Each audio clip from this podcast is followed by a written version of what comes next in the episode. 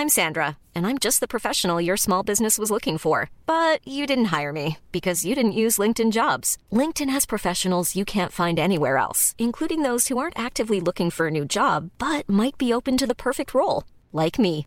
In a given month, over 70% of LinkedIn users don't visit other leading job sites. So if you're not looking on LinkedIn, you'll miss out on great candidates like Sandra. Start hiring professionals like a professional. Post your free job on linkedin.com/people today. Burrow is a furniture company known for timeless design and thoughtful construction and free shipping, and that extends to their outdoor collection. Their outdoor furniture is built to withstand the elements, featuring rust-proof stainless steel hardware, weather-ready teak, and quick-dry foam cushions. For Memorial Day, get 15% off your Burrow purchase at burrow.com slash ACAST and up to 25% off outdoor. That's up to 25% off outdoor furniture at burrow.com slash ACAST. Everyone knows therapy is great for solving problems, but getting therapy has its own problems too, like finding the right therapist, fitting into their schedule, and of course, the cost. Well, BetterHelp can solve those problems. It's totally online and built around your schedule. It's surprisingly affordable too. Connect with a credentialed therapist by phone, video, or online chat, all from the comfort of your home. Visit betterhelp.com to learn more and save 10% on your first month. That's BetterHelp H E L P. Välkomna, välkomna, välkomna, välkomna till det som är Toto-svenskans specialprogram. Ni vet vad det handlar om i det här laget. Vi träffar en allsvensk profil. Det kan vara spelare, ledare, tränare eller som i det här fallet en chefsscout. Vi har skickat iväg Marcus Tapper och vi har skickat iväg Walter Bergman till det som är Hammarbys träningsanläggning Årsta för att träffa Micke Hjelmberg. Många, många år i ryggen nu som chefscout i Hammarby. Han eh, berättar i den här intervjun bland annat väldigt mycket om planerna med eh, HTFF. Det är väldigt uppmärksammade relativt nya projektet som eh, är liksom tanken att Hammarby ska fostra talanger genom. Dessutom då så är det ju hett på agendan just nu. Problematiken med agenter. Även det är någonting som Walter och Tapper pratar med Hjelmberg om. Hur framtiden ser ut. Vi vet om att det viskades lite grann om eh, Hjelmberg out ifrån Bayern. Det var väl Cypern som man skulle till, eller hur var det nu igen? Men framför allt då så handlar programmet en hel del om Bayerns resa som har varit väldigt eh, spikrakt uppåt sedan Hjelmberg och för all del även Jesper Jansson klev in i handlingarna. Så jag tycker att jag gör som så att jag eh, ska inte låta er hållas längre, utan vi passar över micken till Tapper, Bergman, men allra främst Hjelmberg.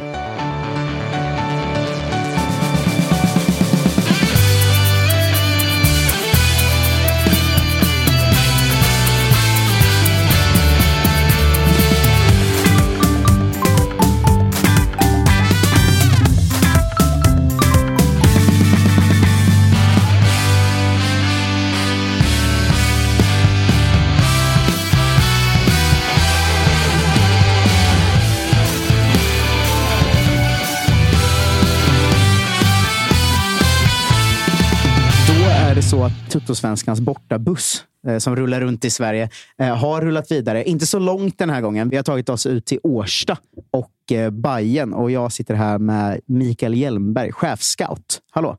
Hallå, hej! Hej! Jag har också tagit med mig eh, den nördigaste Bajan jag känner, alltså Walter. Mm, kul att vara här. Kul att få träffa Hjelmberg igen.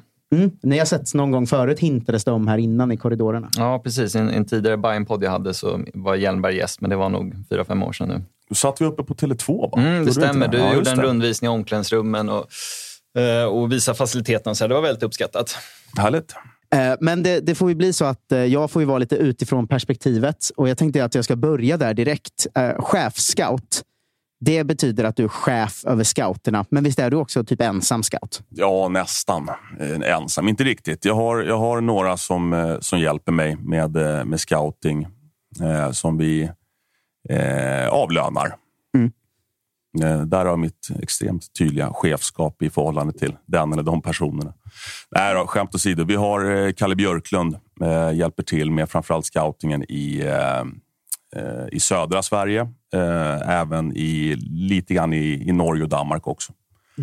Eh, och sen så har vi lite annat folk eh, som hjälper till också eh, med scouting på andra nivåer. eh, som rapporterar till mig. Så de rapporterar till dig och sen rapporterar du till Jesper Jansson, sportchef gissar jag? Ja, precis. Vi har, vi har ganska många möten som vi sitter i eh, där de här personerna är med. Så att vi, vi pratar scouting eh, till, till A-laget. Vi pratar också scouting till eh, HTFF och lite grann också till de äldre lagen i, i akademin. Så är vi ett, är vi ett team som jobbar där med, med scouting. Eh, vissa andra klubbar i Allsvenskan har ju valt att ha scouter med i sådana här sportgrupper och allt vad de heter. Det är alltid lite oklart vad det är för någonting. Eh, men nu har vi ingen sportchef, utan vi har en, en grupp istället. Och där är ju scouter med och så ibland. Men hur mycket har du i Hammarby att eh, säga till om vis, vilka som faktiskt värvas? Eller är det mer att du tipsar om spelare eller tittar upp spelare? Eh, eller hur, hur mycket har du att säga till i, om i, i värvningsprocessen, så att säga? Eh, ja, ganska mycket tror jag eh, att jag har. Jag, jag, vet inte exakt hur de, andra, eh, hur de andra scouterna eller eh, de här eh, scoutgrupperna i de andra klubbarna eh, jobbar. Men jag är väl lite mer, eh, vad ska jag säga, eh, nu har jag varit i Hammarby i tio år och, och eh, jobbar ju väldigt nära Jesper. Så att det är många som, vi liksom sitter ju väldigt eh, tajt ihop, inte bara i, i scouting och rekrytering utan även i andra frågor. Så att, jag tror väl att, att eh, Jesper och, eh, och tränarteamet och, och övriga eh, styrelsen och så vidare har, ett, eh, har en, eh, en stor tilltro till mitt öga och till mitt omdöme. Eh, så att, för att svara på frågan tror jag nog att jag har eh, en del att säga till om.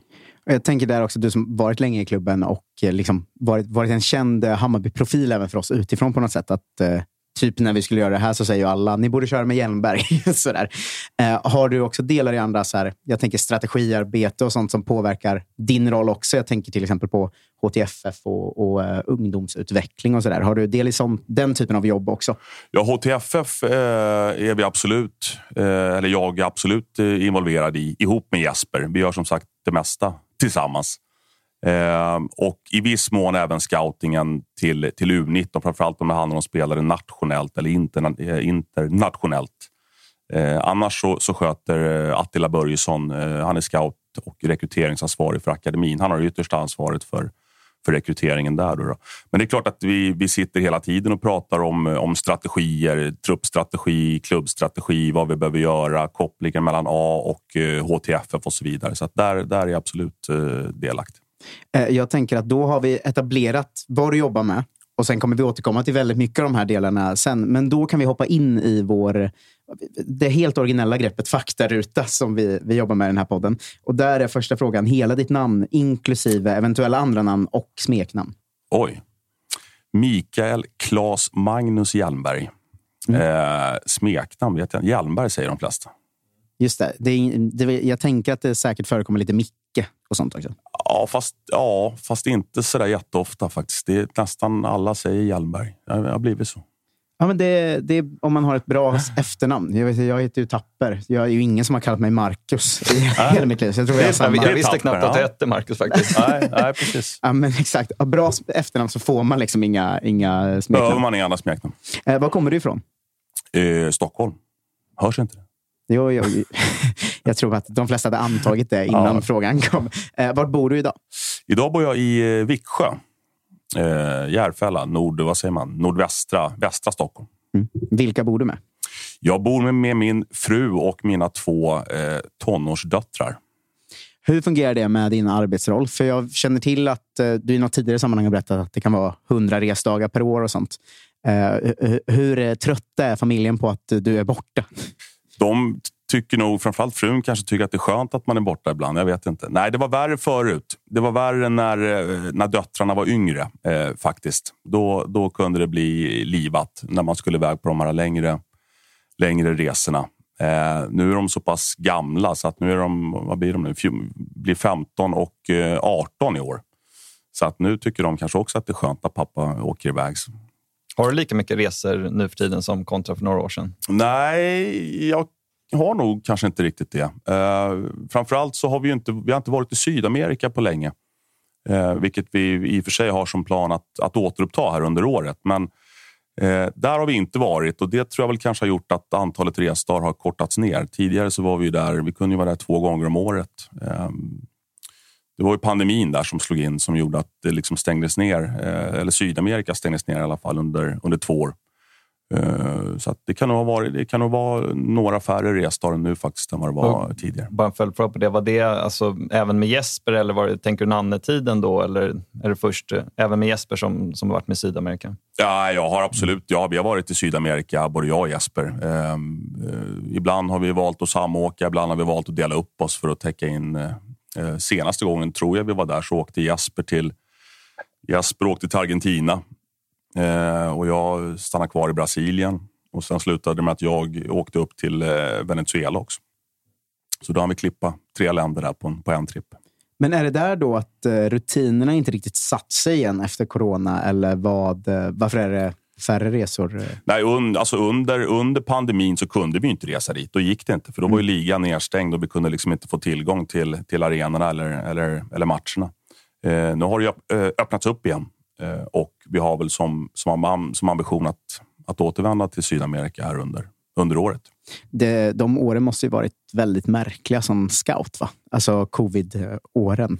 Ja, lite speciella var de. Um, man kunde ju fortfarande man kunde inte resa lika mycket i Europa heller. Uh, egentligen. I Afrika däremot var det enklare att åka till för där, där liksom är ju fotbollen inte lika ska säga, organiserad som den är i Europa. Man, man kunde komma in på arenorna där ändå och de, de anordnade ändå såna här camper som man kunde titta på. Så att dit kunde man åka. Eh, men det var, var begränsat i Europa, absolut, och även i Sydamerika.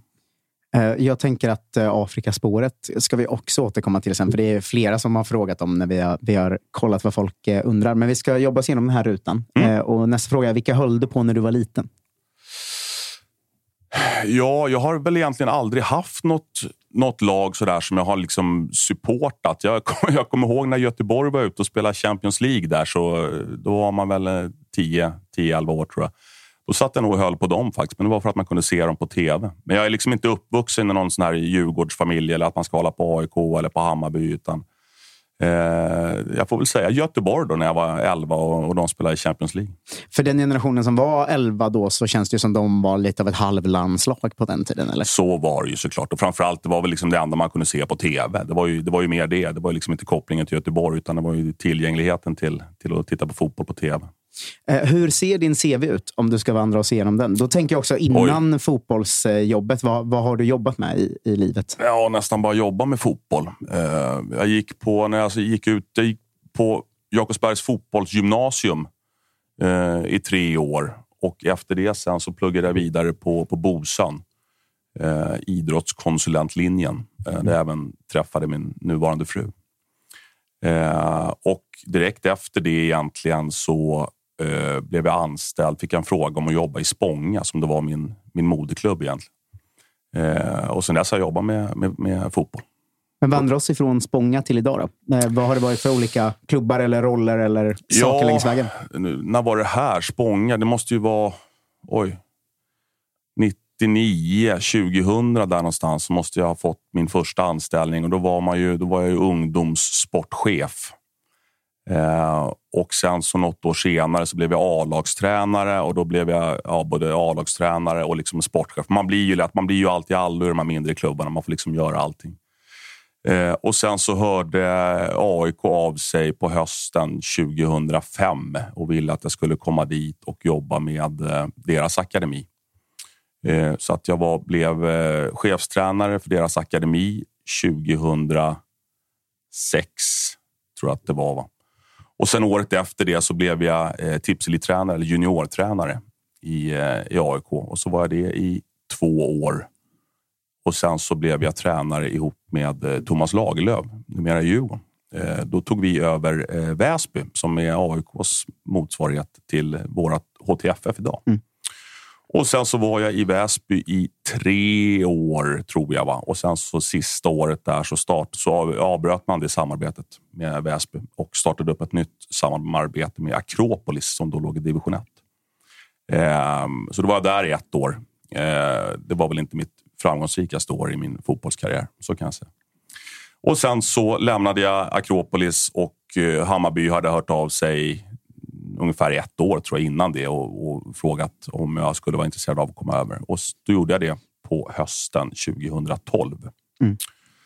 Så ja, sen 2013 har jag jobbat i Hammarby. Det blir tio år nu. Du är provutbildad tränare också, va? Ja, mm. det stämmer. Jag gick ut min provutbildning. Det var nog det sista året där, tror jag, i Akropolis eh, 2000, 2012. Eh, så tog jag Pro-licence, som den heter, som man mer behöver upp, uppgradera var, var tredje år. Tror jag. Så att i grund och botten är jag fotbollstränare. Eh, men så gick, kom jag till Hammarby då 2000, 2013 och då var det en, egentligen en delad roll eh, som ansvarig för u laget som man hade på den tiden och som eh, scoutingansvarig. Eh, så att jag hade liksom 50-50 där jag skulle jobba med, med, med scouting och samtidigt att matcha eh, u laget som då bara var ett matchlag. Man hade ju man hade en juniortrupp och så hade man en A-trupp och de som inte fick spela så mycket i A-laget fick spela u matcher mm. Att stå på träningsplanen, är det någonting du saknar eller har tänkt så här i efterhand att det är någonting du skulle återvända till? Nej, mm. inte alls. inte alls nu faktiskt. Eh, däremot så när jag, när jag när jag kom till Hammarby så kände jag att det här var liksom det perfekta upplägget. Jag var ruskigt nyfiken på, på liksom scoutingdelen och, och, och jobba med identifiera och försöka hitta spelare samtidigt som jag gillade att stå på planen och, och jobba med spelarna. Så att det var egentligen ett, ett optimalt upplägg eh, då. Nu har jag inte stått på planen på ett antal år och känner väl att jag liksom har lämnat det bakom mig egentligen. Eh, så att, nej, det är ingenting jag saknar idag. Eh, det finns några saker jag vill hoppa in på här. Eh, dels eh, följdfrågan på inte tillbaka till tränare. Det känns som ett ganska naturligt steg att nästa steg då skulle kunna vara sportchef. Är det, är det ett intresse du har? Det skulle det kunna vara. Just nu är jag jättenöjd med den rollen jag har och trivs oerhört bra. Dels i rollen, men också med, med mina kollegor och framförallt Jesper då, som är sportchef som jag tycker är en oerhört kompetent sportchef. Så att vårat, vårat samarbete som vi har idag, det, det, det värdesätter jag eh, oerhört högt. Jag tänker också på när du kom till, eh, till Hammarby 2013. Då det är ju verkligen ett annat Hammarby än det Hammarby som finns idag eh, i både resurser och eh, sportslig eh, förmåga och framgång. Hur har ditt jobb förändrats under de liksom, åren av, i takt med att Hammarby faktiskt har blivit ett, en maktfaktor på ett annat sätt i svensk fotboll? Ja, det har ju såklart förändrats eh, oerhört mycket. Eh, första åren, som sagt, då var det ju scouting på heltid. Och det, det innebar ju egentligen då att man, man reste runt i liksom Stockholm eller man reste runt i Ja, i alla fall i Sverige. Jag tror inte jag hade en enda utlandsresa de första åren, utan då, då höll man sig bara i Sverige. Då låg ju också Hammarby i mitten på i mitten på superettan. Mm. Eh, vi var ju liksom inte ens ett topplag i, i superettan då, utan jag tror att vi kom jag vet inte var vi kom det första året. Där Greg fick ju sparken där på mm. sommaren. Mm. Det är väldigt lätt att glömma hur mycket som har hänt i tio år sportsligt. Ja, eh, liksom. och jag det... tänker att det måste ha påverkat extremt mycket för er som jobbade i klubben under de tio åren. Ja, det har det gjort. Det kanske inte är jättemånga kvar, men, men några är vi. Nej, men det, det är såklart en jättestor skillnad. Eh, jag var med och fick assistera Thomas Denneby där på hösten det året. Eh, jag vet inte exakt var vi slutade, kanske du har koll på allt? Nej, men det, det, men det var det, mitten, någonstans. Ja, det är mitten. Ja, det är mitten, på mm. superettan. Mm. Eh, och sen så kom ju då eh, Mats och Nanne då inför 2014. Um, och då skulle ju liksom den organisationen sätta sig. Mats kom in som ny, som ny sportchef. Uh, jag tränade U19 det året. För övrigt och kombinerade U19 med, med scoutingen. Ehm, och det var väl egentligen då som vi... Jag tror att vår första utlandsresa var det året, 2014, när vi åkte till Ghana.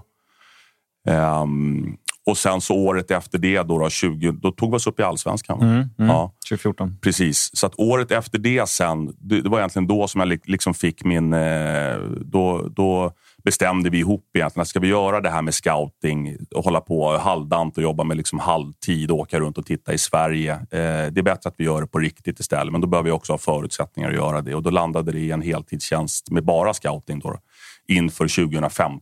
Mm. Ett eh, år, eh, kanske det finaste allsvenska året i modern tid på många sätt tycker jag som IFK Norrköping-supporter. Men ja. det var skönt att det var bra för dig också. ja, precis. precis. Nej, men det var väl där liksom på något sätt så där tog fart eh, för min del. Då, med liksom alla, ja, då fick man ta över alla agentkontakterna och man fick börja resa och, och vi, började, vi började göra ett ordentligt scoutingjobb. Eh, och sen så har väl egentligen det då för varje år växt i liksom takt med att vi har tagit oss upp i allsvenskan, vi har etablerat oss i allsvenskan. Eh, och idag då, då sen, sen eh, så får man väl säga att vi på något sätt är en etablerad eh, storklubb i, inom svensk fotboll och det är såklart ambitionen att fortsätta vara det. Sen har det bytts ut en massa människor under den här resans gång. Jag Jesper kom in 2017 mm. och det är klart där för liksom min del blev det en en oerhörd eh, nystart och vi fann varandra väldigt snabbt och han, han litade på mig och, och jag fick ett stort förtroende för honom och vi liksom hittade ett oerhört bra samarbete. Eh, Jakob Mikkelsen, Stefan Billborn. Eh, det är några tränare som har kommit sen, då, med Milos och, eh, och nu Marti. Frågan, eller apropå du, det här resonemanget inleds med, frågan var om, om Hjelmberg ser sig som sportchef. Så utifrån supporterperspektiv så tror jag det känns ganska självklart att den dagen som Jesper väljer att sluta eller kanske får sluta så, så känns det du som den givna liksom, ersättaren. Och jag tycker det är lite, även om din titel är att du är chefsscout så, så känns, är ju känslan att du är vice sportchef i Hammarby och att det är ni egentligen ett par i stort sett så som det är idag. Ja, lite så är det väl. Och det är klart, frågar du Jesper så säger han att jag är assisterande sportchef. Mm. jag vill behålla min chefstitel. Nej, skämt åsido. Nej, men vi jobbar väldigt tajt och vi jobbar väldigt nära och vi gör i princip allting ihop. Mm. Så att, ehm, eh, vi har hittat ett, ett oerhört bra, bra samarbete och vi trivs väldigt bra med varandra. Så, mm. så kan man säga. Eh, ålder är nästa enkla fråga. Lite, ja, lite lättare att svara ja, på. Ja, bra. Eh, 43. 43. Ändå gedigen erfarenhet för åldern. Du har ju minst 20 år kvar i den här branschen. Ja, ska man orka så länge?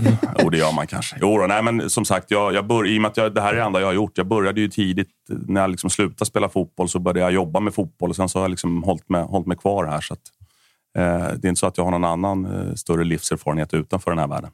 När ser man sig själv, för jag förstår att det är ett väldigt slitigt jobb, men ser man sig själv kunna liksom inte inte jobba med, med fotboll igen? För det känns som att man läm skulle lämna väldigt mycket kul då. Ja, nej, jag har nog jag har ruskigt svårt att liksom se mig göra något helt annat. Eh, det, det, det kan jag faktiskt inte riktigt göra. Laga mat eller hämta mat? Eh, hämta mat. Mm. Det här är ett återkommande tema med alla vi intervjuar här i. Eh, och då brukar vi alltid fråga, kan du laga mat överhuvudtaget? Jag kan laga mat, men eh, det är ingenting jag skryter om om du måste välja en liksom paradrätt, vad, vad hade det varit? Har du någon sån Oj. som du liksom gör till, till frugan om du ska vara duktig på en, på en date night? Ja, det är nog kanske snarare till när barnen inte orkar så kan jag nog röra ihop en eh, spaghetti bolognese. Mm. Du, det är på den nivån. Det är snyggt att man vet att det är en ganska vanlig köttfärssås, men du väljer att ja, kalla den bolognese. Ja, men jag, jag, skulle kunna lyxa till den. Jag har lärt mig nu hur man ska få lite eh, spetsa till den där med, med lite goda kryddor och sådär. Man ska ha lite parmesanost i såsen och så vidare. Men, nej, bättre än så är jag inte. Vad har du i garaget? Oj, där har jag... Just nu har vi nog i princip alla utemöblerna där och en herrans massa annat bråte.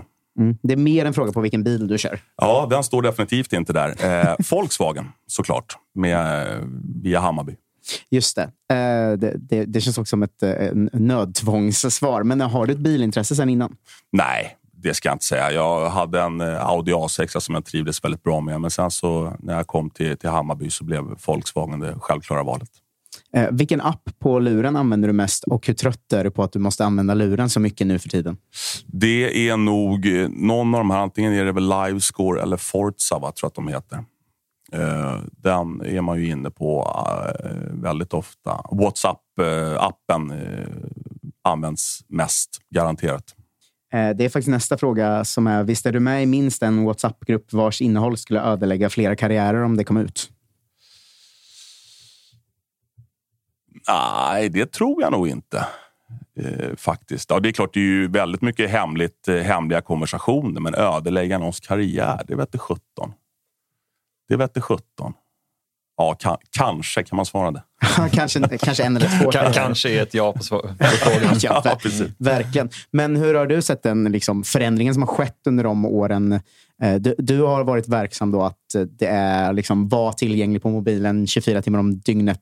Världen som det känns som att sportchefer och chefscouter och allt vad det är nu pratar om att eh, vissa månader om året går det liksom inte att lägga ifrån sig den. Och det är väl ändå en skillnad mot hur det var när du, när du kom in i branschen så att säga.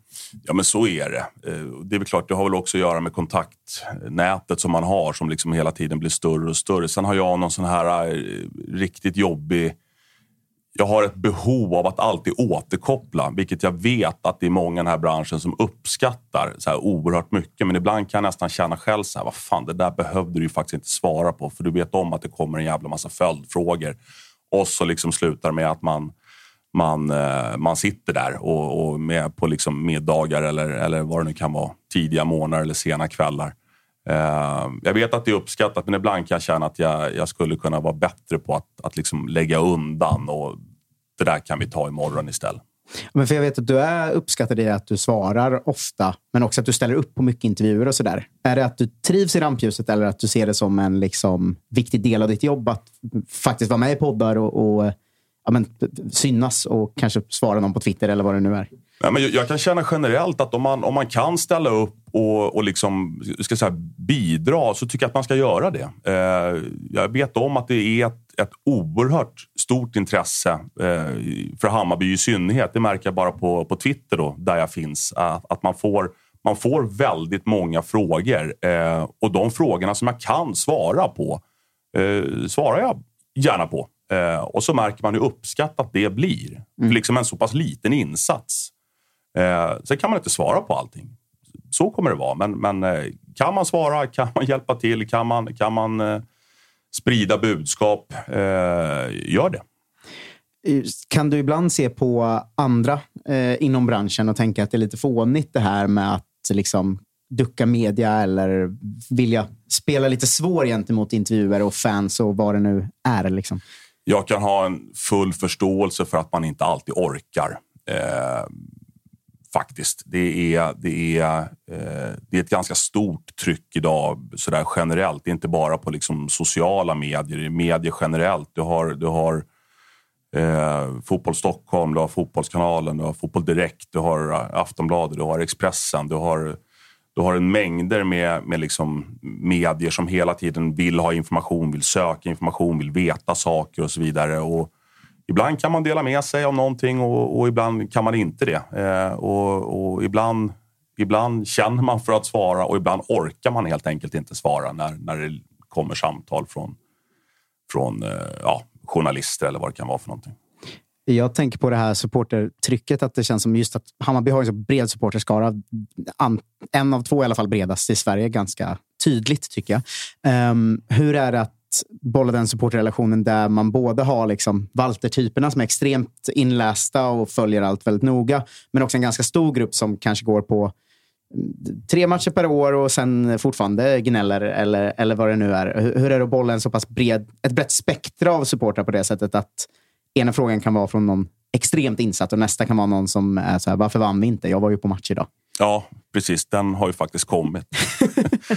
eh, och den är ju svår att svara på. Sådär. Då, eh, det är precis som du säger, man kan, man kan prata med eller kommunicera med vissa människor som man, som man vet har en, en grundläggande kunskap. Det liksom finns en det finns ett initierat resonemang som kan föras. Och då tycker jag att det, det, det, är både, eh, det är lättare men det är också bra att kunna ha den typen av, av, eh, av dialog med supportrar. Det skapar en förståelse, det skapar en tillit om man, kan, om man kan svara på frågor på ett bra sätt.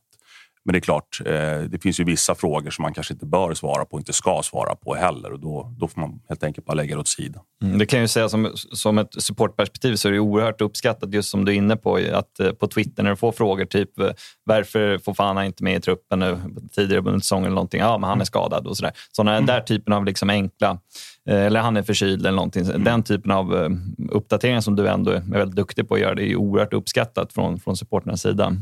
Och man hade önskat att det var lite mer, just när det är såna här helt odramatiska saker, att, att man från, från, från klubbledningen, inte bara Hammarby utan i övriga, liksom, vad fan, det är ju supportrarna som, liksom, som driver sporten och det är det som, de som betalar för intresset, att det mm. finns eh, en allsvenska. Så att, eh, det där är ju väldigt eh, vettigt tycker jag, att man kan vara transparent när det är helt odramatiskt.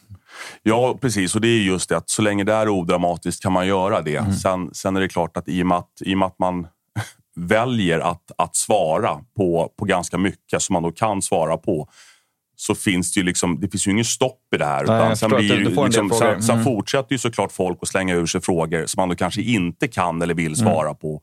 Och då, då gör man ju helt enkelt inte det. Men, men de frågorna som jag kan svara på som är odramatiska så, så är det inga problem alls att, liksom, att, att ställa dem. Men som sagt, man får också vara beredd på att eh, alla frågor kommer man inte kunna få svar på.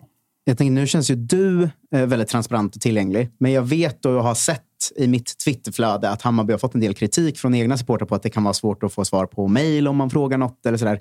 Hur, hur ser du på den eh, grejen? Alltså, hur viktigt är det för klubben att ja, men vara bättre på att vara som dig då, kanske svara på saker och vara, vara mer transparenta. Kanske är lite skillnad på vilka frågor jag får och de får också, kan jag tänka mig. Nej, men ja, det är väl klart att det är en viktig fråga och nu vet jag att vi liksom sitter med, har vi en ny, en ny eh, eh, kommunikationsavdelning som, som jag, jag, vet jobbar oerhört hårt och, och, och jag utgår från att de liksom gör sitt bästa. Eh, sen är det klart att det kanske är vissa, vissa frågor som, som eh, som är svåra att svara på även för dem. Men jag, som sagt, jag utgår från att de gör, de gör, gör eh, sitt bästa och är, och är här för att och liksom bidra till att Hammarby ska bli bättre. Sen, sen är det klart när det blir eh, när premiärbiljetterna ska släppas och det liksom blir ett oerhört tryck så är det klart att då, då kanske de också ibland känner att, att eh, ja, det kan vara liksom svårt att vara alla till lags i form av att svara på frågor. Men, men eh, jag upplever att de gör ett oerhört bra jobb. Det kan man också säga nu när vi åker runt och, och ser hur det... Vi besöker alla klubbar i princip. Mm. I, eller vi besöker alla klubbar i hela Allsvenskan. Gud vad folk jobbar när man är, kommer till liksom, klubblokalerna. Alltså, folk som sitter på kanslier eller mm. svarar på mejl eller vad de nu gör. Det, alltså, folk, man ser de sliter som djur i varenda svensk klubb. Mm. Det ska man faktiskt säga eh, när man är på plats. Mm. Eh, känner du över eller under den allsvenska snittlönen som är på cirka 100k?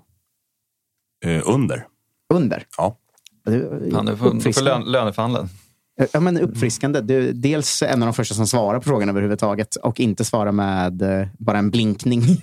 och så gillar jag att du känner under. Det tycker jag. det, det är håller, rimligt. Det håller dig sporrad. Det är inte jag som spelar. uh, mm. Om du bara fick lyssna på en låt resten av ditt liv, vilken skulle det vara? Och du får såklart inte svara något Hammarby-relaterat. Det var ju precis det jag skulle göra.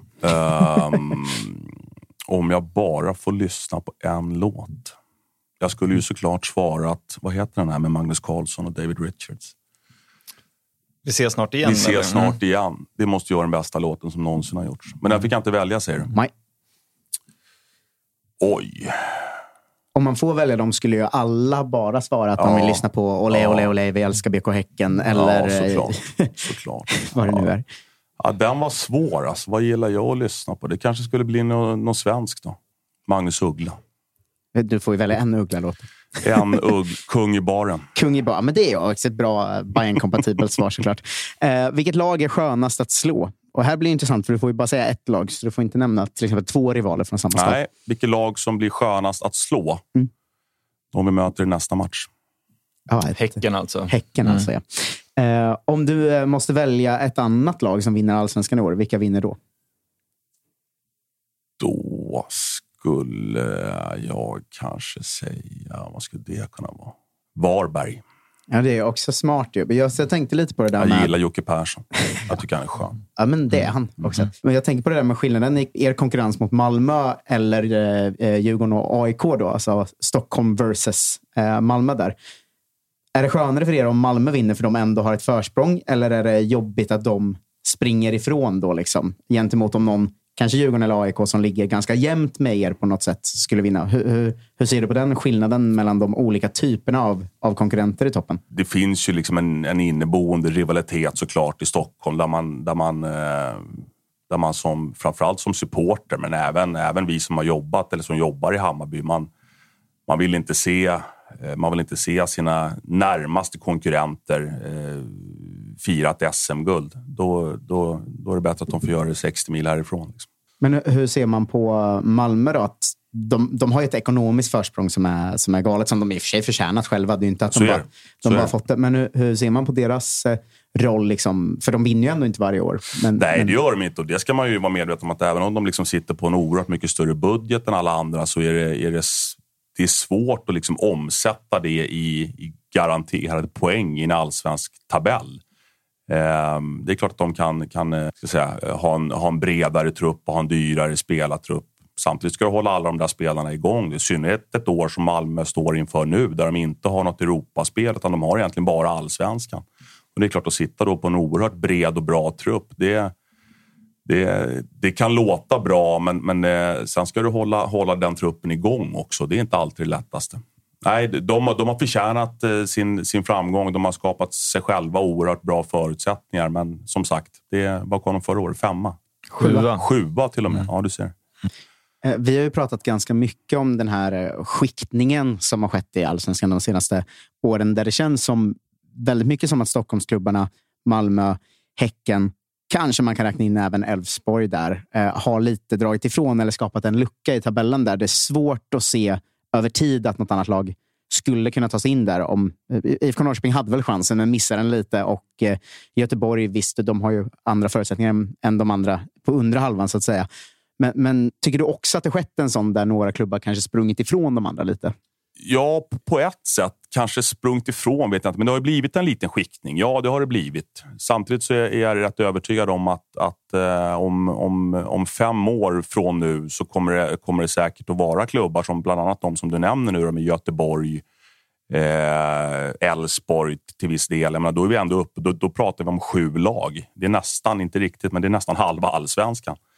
Eh, Kalmar var uppe och stökade eh, förra året. Eh, Norrköping har ju, också, har ju också förutsättningar för att kunna bli en klubb som, som på något sätt eh, ska vara med och liksom slåss om, om, om topplaceringar i allsvenskan. Eh, ja, då är vi åtta lag. Så att, ehm, sen tror jag också att, att ehm, den, ekonomiska, den ekonomiska skillnaden som finns idag som, som Malmö då har ner till kanske Stockholmsklubbarna. Sen är det väl ytterligare kanske ett, ja, Häcken är med där också. Sen är det ytterligare ett topp ner då till, till några klubbar där bakom. Ehm, jag tror att det kommer att, att, att kunna jämna ut sig eh, faktiskt. Eh, alla de här klubbarna kommer inte kunna komma till Europa varje år. Ehm, även om, om, om alla har ambitionen att göra det så finns det bara tre, ja, fyra platser med kuppen då, då, som man kan, kan komma ut till. Så jag skulle tro att det kommer vara de, de sju, åtta lagen eh, och kanske något år kommer det alltid bli någon överraskning som, som sticker upp och stör och, och, och säkert någon av de här klubbarna som också eh, sviker. Men över tid så skulle jag tro att de, de här fem, sex, sju klubbarna som, som är de största i Sverige idag, de, de tror jag kommer vara det de närmaste åren. Men det kommer samtidigt att fyllas på med, med något lag underifrån. Eh, nu har vi faktiskt på bara en halvtimme kommit till sista faktaruta-frågan. Eh, som är, vad är det märkligaste du varit med om under en match? Det skulle i så fall vara... Eh, det behöver inte vara en allsvensk match, va? Nej, nej. Nej, vad bra. För när jag var nere i Elfenbenskusten för ett antal år sedan så mitt under en pågående match så kom det in ett gäng får eh, som springer in i ena straffområdet och eh, blir kvar där ett tag. Mm. Tills folk eh, klarar av att liksom, eh, schasa bort dem därifrån så matchen kan återupptas igen. Det var nog en av de märkligare händelserna. Faktiskt. Ja, det känns, känns som en härlig... Det händer inte varje dag. hade velat se mer sånt i allsvenskan. Ja. det, det känns ju ändå som att allsvenskan ska ha...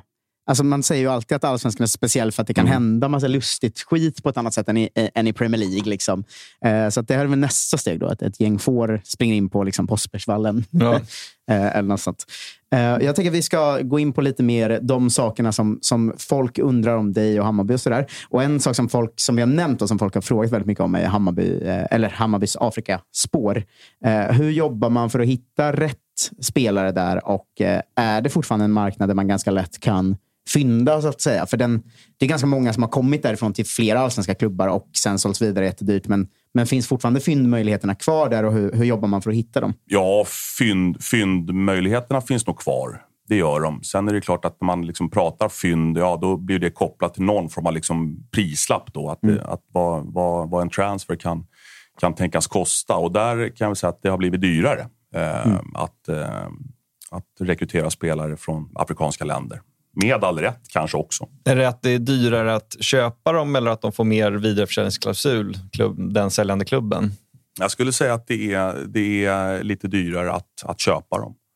De har satt lite högre, eh, högre prislappar på sina spelare än vad de hade för fem år sedan. Vilket inte är så konstigt heller egentligen med, med tanke på att allsvenskan är en spelare som har sålt väldigt många afrikanska spelare. Så det är klart att det, det är ju, Eh, efterfrågan på afrikanska spelare från, från Sverige har säkert blivit större. Eh, och då, då är det väl inte mer än rätt att de, hell, att de också ser, ser ett, eh, ett värde i, i de spelarna som de säljer.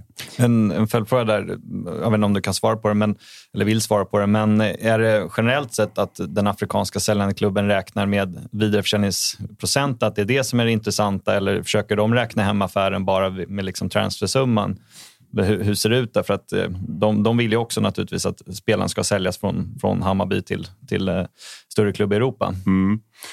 De resonerar nog som vi gör när vi säljer unga spelare. Eh, det vill säga att man vill både ha en, en säljare och en såklart säljande klubben vill ju alltid ha en så hög prislapp som möjligt. Och köpande försöker att, att trycka ner den.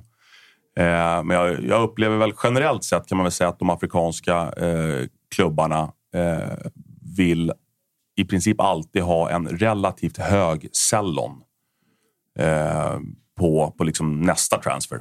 Eh, samtidigt som de väldigt gärna vill ha pengar här och nu. Mm. Har, har konkurrensen hårdnat eh, nere i Afrika sen, sen du började åka dit mer frekvent, 2015, 16 eller något sånt? Ja, det har den gjort. Mm. Absolut har den gjort det. Ehm, både vad det gäller andra europeiska klubbar, men även svenska. Man säger alltid att någon, en spelare kommer hit. Jag tänker, kan ta Odilon som exempel nu. Då. Han kommer hit och då hör man direkt att det är en supertalang. Han gör knappt några matcher för Hammarby ju. Eh, och om jag ska vara ärlig som åskådare, ett par svajiga matcher av dem han gör. Sen säljs han jättedyrt och går vidare och blir superbra. Sen, hur kan man veta att någon är en talang innan den har presterat någonting så och så visar det sig vara rätt? Jag tror att som, precis som du säger eh, så blir den, liksom, den allmänna uppfattningen blir att man, att man eh, värderar eller utvärderar spelarens prestationer eh, i den här matchen. Jag kommer ihåg premiären, där, det är den du syftar på, mot Kalmar. Va? Han halkar mm. och så gör Kalmar eh, 1-0 och så slutar premiären 1-1. Och sen så liksom blir han, han blir liksom syndabocken för att vi inte vinner, vinner premiären. Och sen så hade han väl, jag tror han hade någon... Nu kom Jesper Jansson och slog hårt på mm. rutan här. Nu ska han gå hem. lat, lat Jesper Jansson som går hem redan vid klockan 17. Ja, titta där lämnar han. Ja. Jag kan tala om att varken hans eller min arbetsdag slutar när man lämnar Årsta. så är det. Så han har nog några samtal att städa av, tror jag. Eh, nej, men, men det, är lätt att, det är lätt att man eh, eh, utvärderar spelarens prestationer i den enskilda matchen. Eh, vilket man såklart kan göra. Men eh, framförallt när man tittar på eller ska utvärdera unga spelare så brukar det vara mer intressant att utvärdera spelarnas egenskaper. Eh, och då tycker jag att man kan se att en spelare som Odilon, vilket vi såg och vilket uppenbarligen en mängd andra klubbar såg också. Han har eh, oerhörda kvaliteter eller egenskaper som spelare. Eh, sen att han halkar, så här, ja, det, det kan faktiskt hända. Eller han slår bort en, en passning. Det kan finnas eh, nervositet kan finnas med i, som orsak mm. och så vidare. Men, men tittar man på hans egenskaper så, så var jag rätt övertygad om att det här är en spelare som kommer kunna bli fantastiskt bra. Hans prestationer var inte det, men hans egenskaper var väldigt bra. Vilket jag tycker också att han eh, efter matchen, han kom in, han spelade mot Göteborg borta, han spelade mot Norrköping hemma. Eh, där han faktiskt står för bra, bra prestationer Eh, i matcherna också. Och det var ju garanterat det som Klubb Brygge eh, såg. Det var ju liksom ingen färdig spelare som presterade på en jämn hög nivå. Däremot så såg de en oerhörd potential i hans egenskaper. Eh, så att eh, vi fick rätt, de fick rätt och nu är han i Bayer Leverkusen och gör det bra. Mm, eh, har Hammarbys Afrikaspår, om man säger så, är det lika aktivt nu som för några år sedan? Jag tänker med, du säger att ni börjar titta på Sydamerika, ni har redan varit där. Balkan har kommit in i Hammarby. Är, går det att ha flera så liksom spridda marknader eh, och ha fokus på dem eller har det förändrats någonting där?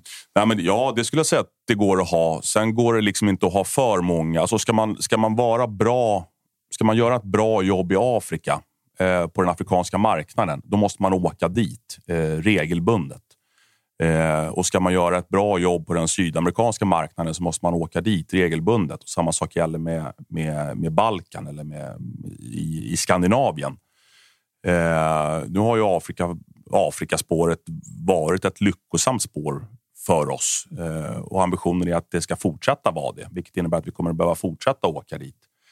Eh, likväl som vi reser runt i, i Skandinavien eller, eller eh, eh, ja, andra, andra länder i Europa eller delar av Europa. Eh, nu har vi inte varit i Sydamerika på, på två, tre år. Eh, men har absolut som ambition att, att, ta upp det igen. Men det går att ha flera parallella eh, marknader eller spår att jobba med. Men jag tror inte att man kan ha för många, i alla fall inte med den organisationen som vi har eh, nu. Sen är det klart klubbar med, med större organisationer och större budgetar, de, de klarar ju av att ha flera, flera marknader som de är eh, aktiva på. Nu när eh, HTFF har eh, eh, börjat verka och Bayern börjar få upp mer egen talang eh, än förr. Hur påverkar det den här åka ut och hämta talang eller hur ser du förhållandet däremellan? Hur mycket ska man hämta och hur mycket ska man utveckla egna ungdomar? så att säga? Man ska göra både och. Eh, absolut. Jag tror definitivt inte på att bara åka ut och hämta och liksom tycka att den egna akademin är, den är inte så intressant. Utan vi hämtar talang utifrån. Jag tror absolut att man kan kombinera de två. Det vill säga hämta talangfulla spelare från andra, andra klubbar i Sverige, andra delar av Sverige, andra delar av Skandinavien, eh, även i andra delar av världen. Eh, och kombinera det med att ha en, ha en fungerande och fruktbar akademi på hemmaplan där, där, vi, där vi hela tiden producerar och, och fostrar spelare. Sen är det klart att om vi, har, om vi upplever att vi har en egen eh, spelare som kommer från akademin som har eh, fantastiska egenskaper och en jättestor potential på en viss position så behöver vi inte konkurrensutsätta honom med en, med en annan spelare från ett annat land eh, i samma position utan då, då får man titta på andra positioner i så fall. Men det är hela, hela tiden det här strategiarbetet med uppflyttning av spelare. Eh, vi har ju HTFF som är en fantastiskt bra rekryteringsbas eh, för både akademin men även spelare utifrån att kunna använda också. I media inför den här säsongen så har det varit mycket snack om att många av de bärande spelarna i Hammarby har ju lämnat eh, inför den här säsongen. Och då har man från klubbens ledning varit rätt tydliga med att vi, vi ska inte värva in om det finns liksom internt i, i HTFF eller i klubben. Och det, så har man ju också gjort nu får man ju säga. Jag menar, vi ersätter typ Veton Berisha med, med Rabi som nia nu. Och det finns flera andra sådana som Majed som kommer underifrån och, och Aliom och sådär. Hur, hur ser man på den, den, den risken eller hur, när ni värderar det? Att, det, att man helt enkelt väljer att plocka internt och tror att det ska vara, vara lika bra förhoppningsvis då som det som lämnar. Eh, kan du resonera lite kring hur, hur har man mm. sett på det där att eh, att helt enkelt inte gå in och köpa ren ersättare till Ludvigsson utan man plockar mm. underifrån. Så. Vilket vi eh, lite grann också har gjort. Man får inte glömma att de spelarna som vi nu har rekryterat in eh, utifrån, eh, Djukanovic, mm. eh, Mikkelsen, Tesfaye Teki har kommit in. Eh, vi rekryterade eh, var det fem eller sex spelare förra sommaren eh, där visserligen Ajay från HTFF var en av dem, men eh, Shakil Pinas, eh, Abdo Saidi, Pavle Vagic. Eh, så, så har vi, har, har vi, eh, vi, vi, har eh, rekryterat spelare utifrån eh, också. Parallellt med det så har vi flyttat upp spelare från, från HTFF. Eh, Fredrik Hammar, Montade mm. Madjed, eh, Erabi, Alium och så vidare. Så att vi, vi tycker att vi, vi har en bra, Eh, en bra balans. Vi har bra variation i form av kvaliteter, egenskaper på, på spelarna och framförallt så har vi gjort en, en föryngring. Har man, när man plockar upp spelare från HTFF, jag antar att du kommer svara att de, de är bra nog, men hur, hur, ser man på det? Är det så att man alltid vill plocka upp några och liksom testa dem i A-laget eller är, måste det vara så att de är bra nog för att komma upp? Om man, om man ser till nästa fönster eller så, om det visar sig att det inte finns någon som är bra nog i HTFF, kommer det ändå flyttas upp? Eller hur, hur tänker man kring det? Ja, men den, den utvärderingen sker, den sker egentligen eh, på liksom daglig, daglig basis, att spelarna utvärderas. Vi, vi behöver dels ta, ta hänsyn till, till lagets slagkraft. Eh, vi behöver också ta hänsyn till, till eh, utvecklingen på, på spelarna. Eh, och det kan vi göra med de svenska spelarna på ett ganska enkelt sätt i med den här, den här berömda listan som många har pratat om. Där spelare då kan, eh, kan spela dubbelt, det vill säga de kan representera både HTFF och, och A-laget. I utländska spelares fall så blir det lite annorlunda för där behöver vi ta ställning till vilken trupp de ska eh, tillhöra. Och I det här fallet nu då, då så har vi Eh, Alium som är uppe i, i A-truppen, det vill säga det är bara där han kan konkurrera, han kan spela.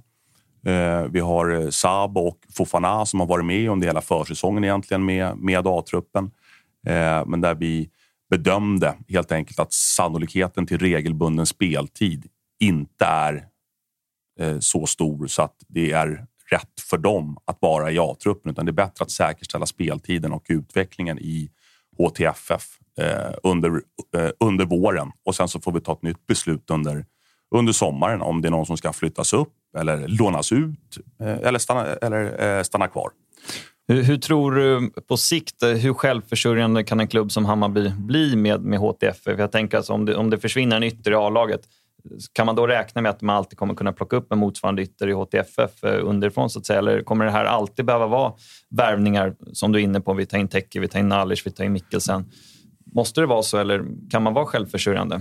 Jag tror att det kanske är svårt att bli helt självförsörjande. Att man ska tro att alla spelarna som vi, som vi, som vi väljer att sälja eller släppa iväg kan vi ersätta internt med spelare underifrån. Eh, vi har en ambition att, att eh, så många spelare som möjligt ska kunna ersättas. Det vill säga att kvaliteten på vår verksamhet i både HTFF och akademin ska vara så pass bra så att vi hela tiden kan ha ett, ett konstant flöde av spelare som flyttas upp underifrån. Däremot så tror jag att man under vissa fönster, i vissa perioder Självklart kommer man att behöva rekrytera spelare utifrån. Finns det något internt mål med, med en siffra? Liksom? Jag tänker 50 procent eller något ska komma underifrån. Eller finns det något sånt uttalat? Eller är det helt enkelt bedömning utifrån vilken kvalitet som finns? Det är en bedömning utifrån kvaliteten. Jag tror inte att man ska, eh, man ska här, måla in sitt hörn där och säga att eh, x antal spelare varje år ska flyttas upp och sen så blir man tvungen att göra det fastän man känner att kvaliteten inte riktigt finns där. Ja, AIK har väl eh, någon sån idé att det ska vara tre stycken i elvan eller något liknande som, som ska komma underifrån eller vara internt rekryterade eller vad man ska säga. Ja, det... Men det är ingenting det, du det, det är möjligt. Mm. Det är möjligt. det är deras, det är deras eh, arbetssätt. Nej, men, som sagt, om man tittar på truppen som vi har nu så har vi ju eh, ganska många. Jag ska bara räkna upp de här nu så är det ju, det är Rabi, det är Majed, det är Alium, det är Hammar, det är Alper, det är Ajay, eh, Noah John, Marcus Karlsson, Ludde mm. Svanberg. Ja, Dovin tidigare Dovin tidigare. Eh, ja, bakåt i tiden har vi haft både liksom Aymar och Emil Roback och um, Williot Svedberg ska vi inte mm. glömma heller. Så att, uh, vi har ju haft ett väldigt bra flöde av spelare som har gått via HTFF uh, och inte bara sålts utan även haft en bra, bra påverkan och spelat för A-laget och gjort det bra. Så att uppenbarligen har vi hittat ett ett upplägg som funkar bra det ska vi fortsätta med. Division 1 rätt nivå eller vore det önskvärt att man går upp i superettan eller tvärtom inte önskvärt? Jag tror att just nu, där vi är nu, tror jag att division 1 är, är bra. Eh, skulle det vara så att vi eh, hamnar där vi vill hamna, att vi år efter år efter år spelar i Europa och kontinuerligt är ett topplag i allsvenskan och liksom verkligen etablerar oss där, så tror jag absolut att det är fullt möjligt att, eh, att ha ett HTFF eh, i Superettan. Hur resonerar du kring eh, framtiden när det gäller att lägga de stora pengarna på en bra 24-åring till Hammarbys A-lag eller en bra 16-åring till HTFF som sen kommer komma upp i Hammarbys A-lag? Hur ska man hitta balansen däremellan? Liksom? Att göra båda. Om jag behöver välja? Nej, skämt åsido, det, det, det är en bra fråga. Alltså hur, hur, mycket pengar, hur mycket pengar ska vi investera i, i enskilda spelare i, i A-truppen eh, utifrån ålder och position och så vidare. Och hur mycket ska vi investera i den egna akademin? Mm. Hur mycket ska vi investera i, i scouting och rekrytering av unga spelare eh, utifrån? Och jag tror helt enkelt att man behöver hitta ett sätt där man kan kombinera eh, de här tre, eh, tre delarna. Mm. Hur mycket av ditt jobb nu är att övertala 16-17-åringar att välja HTFF? Inte så mycket just nu i och med att tack och lov det här långa fönstret precis har stängt. ja, du förtjänar att vara lite ledig efter det här fönstret kanske? Ja, nej, men det blir ju, det blir ju lite, lite mindre av den varan nu i alla fall. I och med att nu har vi ett fönster som öppnar, ja, när det öppnar här nu i sommar. Är det den, blir det den 7 juli eller den, den 15 juli? Eh, men nu, nu går ju den, den verksamheten ligger ju lite grann på lågvarv nu eh, i och med mm. att fönstret då just har stängt. Eh, hade HTFF en jobbig premiär uppe i Boden här. De förlorade med 4-1 igår. Eh, men, men de har kommit igång på ett jättebra sätt och det är en, det är en ung och talangfull trupp. Och, eh, Imad och Mange och, och Gustav och alla ledarna där gör ett, gör ett jävla jobb med det där laget. Så att, eh, nu ska vi följa, följa spelarna som är i, är i både träning och match där. Vi ska till att liksom hitta en bra, hitta en bra eh, brygga över för de spelarna som är emellan.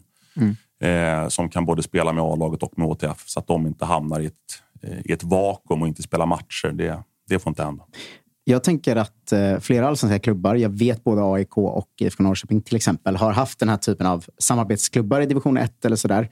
Är du förvånad över att fler inte har nyttjat det fullt ut så som ni har gjort med HTFF? Att använda det som en talangverkstad nästan, nästan hela vägen. Liksom. Eh, eh, är du förvånad att fler inte gör det? Eller ser du det som en framtid mer inom, inom svensk fotboll? Uh, förvånad, alltså det, det är ju inte helt lätt heller. Att, att, uh, I och med att regelverket i Sverige som det är nu i alla fall tillåter ju inte att ha, att ha ditt andra lag i, i seriespel. Uh, som, som man till exempel kan göra både i Holland och i Norge. Nu, mm. nu är ju HTFF är ju gamla, gamla IK Frej Eh, så att eh, vill man ha full kontroll på, på en andra lagsverksamhet så är ju det eh, väldigt svårt för då måste det finnas en annan klubb med ett annat organisationsnummer som man kan som man då kan ha den typen av samarbete med. Och det som sagt, då, då liksom kräver att båda parterna vill samma sak. Och det, det är nog säkert många som önskar det, men jag tror att det är svårare att genomföra. När du eh, scoutar upp en 17-åring, vilka egenskaper är viktiga hos eh, den spelaren utanför planen? Alltså hur ska en Hammarbyare vara? Eh, vi försöker alltid att vara så träffsäkra som möjligt när det kommer till personlighet eller karaktärsdrag. För det är ju, det är ju också den svåra delen i, i själva scoutingen. Att, att se om en spelare är snabb eller stor eller stark eller har bra teknik. Det, det kan man göra, men hur, hur, hur han är som person eh, utanför planen, eh, det är ofta mycket, mycket svårare. Eh, så det handlar väl om att ta referenser, sätta sig ner om man har den möjligheten att kunna ha samtal, vilket man kanske i regel kan då med en 17-åring. För då, då, brukar det vara, då finns det också ofta föräldrar inblandade mm. så att man får liksom helt enkelt ta möten och, och, och, känna och klämma och försöka liksom komma fram till att det här är en personlighet och han har karaktärsdragen som, som vi söker. Kollar man med liksom föräldrar och kompisar och sånt? Så här, hur, hur är den här killen?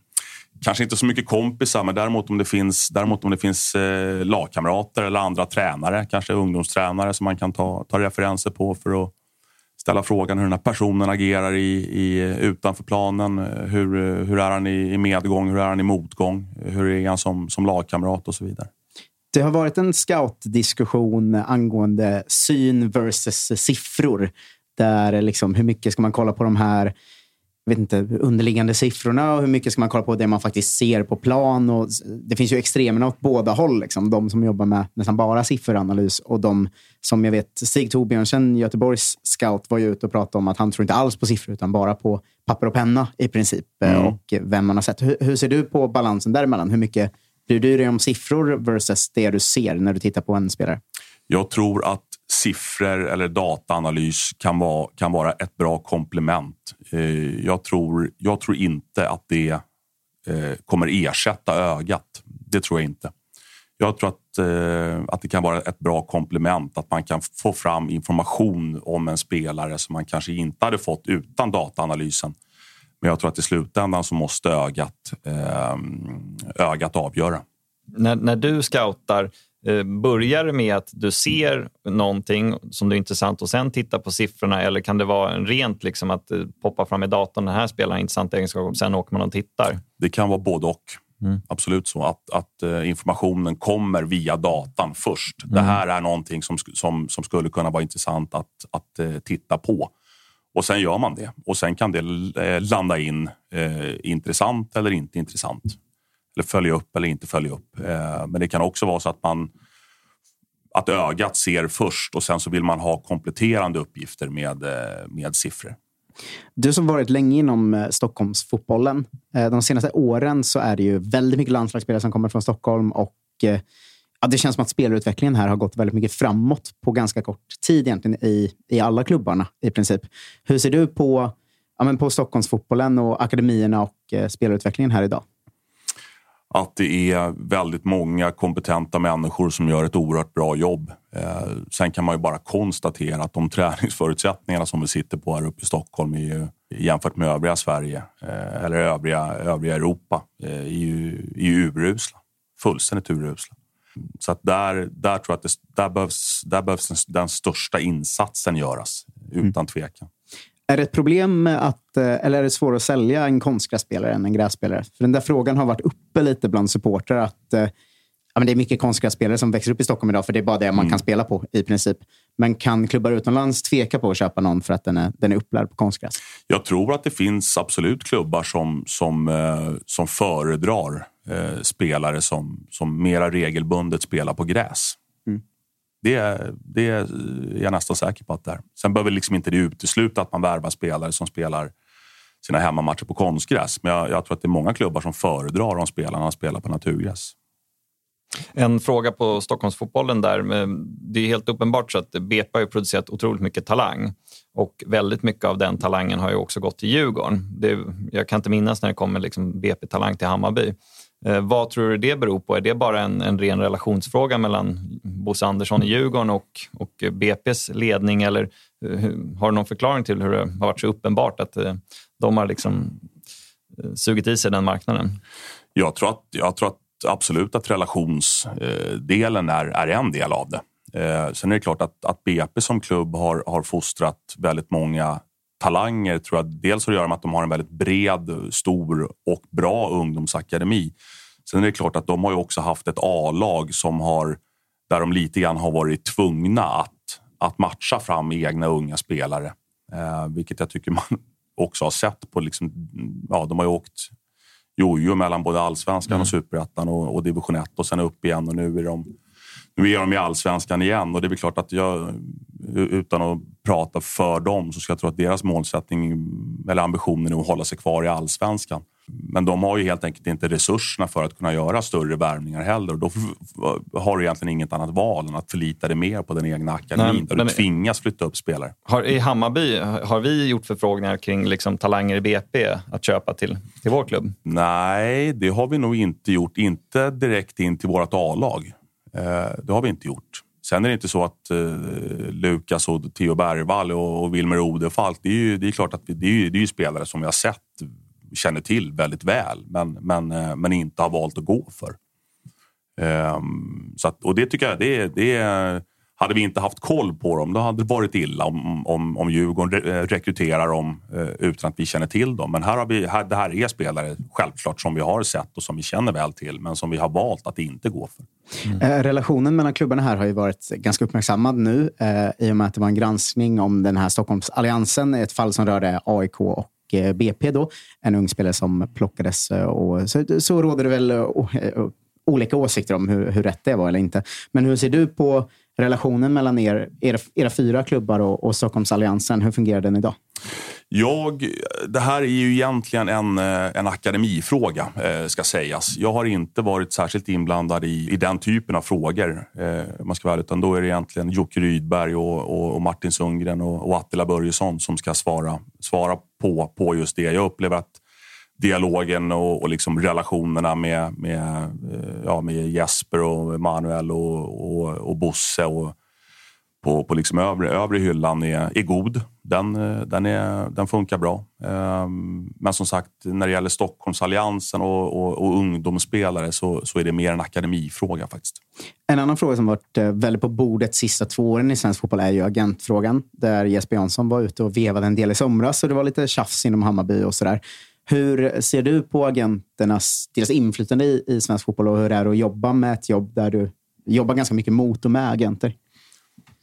Agenterna kommer ju, vare sig vi vill eller inte, att vara en del eh, av det här. Vi kan liksom inte säga att nej, men vi vill inte ha med agenter att göra. Det, det funkar inte riktigt så. Eh, det är klart att det finns agenter som vi jobbar närmare med och har en bra relation till, eh, i regel i alla fall.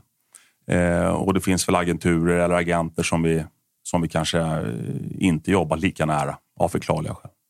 En, eh, en, fråga där med, med agenter, för att eh, det kom ju publiceras här nyligen kostnaderna som klubbarna haft och då, de kan man ju se eh, under fjolåret har ökat väldigt mycket. Och för att ge lyssnarna någon sorts referensram så, så, betalade Malmö cirka 26 miljoner till agenter och Hammarby 20 miljoner och AIK 15 och Djurgården 9. Vad, vad är orsaken till varför betalar Hammarby till exempel då cirka 20 miljoner till agenter? Vad, vad är skälet helt enkelt?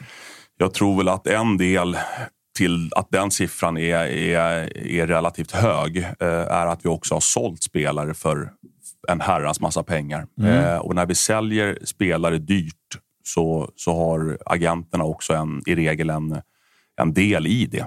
Ja, eh, man, man, kan ju se exempelvis för försäljningen av Wilhelm Svedberg så verkar det som att Bayern har betalat cirka 4 miljoner till en agent. Men det, jag, jag först, eh, I samband med den försäljningen då. Men jag förstår inte. Agenten är ju anställd av spelaren.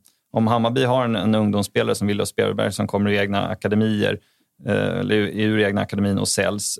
Hur kommer det överhuvudtaget in liksom en faktura från en agent till Hammarby som klubb? Det kan ju såklart Bara för att man också, säljer så att säga? Ja, precis. Nej, men det kan ju också vara så att agenten har en, har en del i att vi ett, säljer spelaren och två, säljer spelaren för de pengarna som vi gör.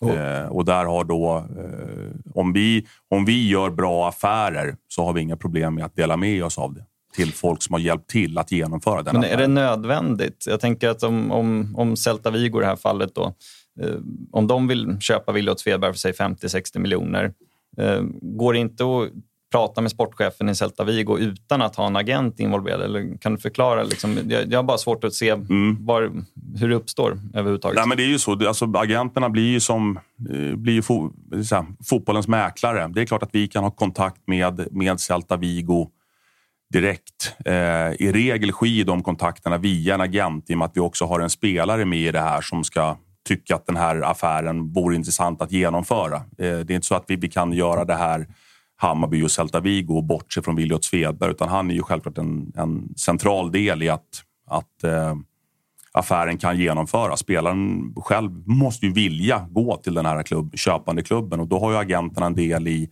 att spelarens villkor eh, i den klubben blir bra men också att affären kan genomföras på ett bra sätt. Och kan de hjälpa till, i vårat fall, då, att få, få priset eh, att eh, bli eh, lite högre så kan vi också tänka oss att dela med oss av, av det.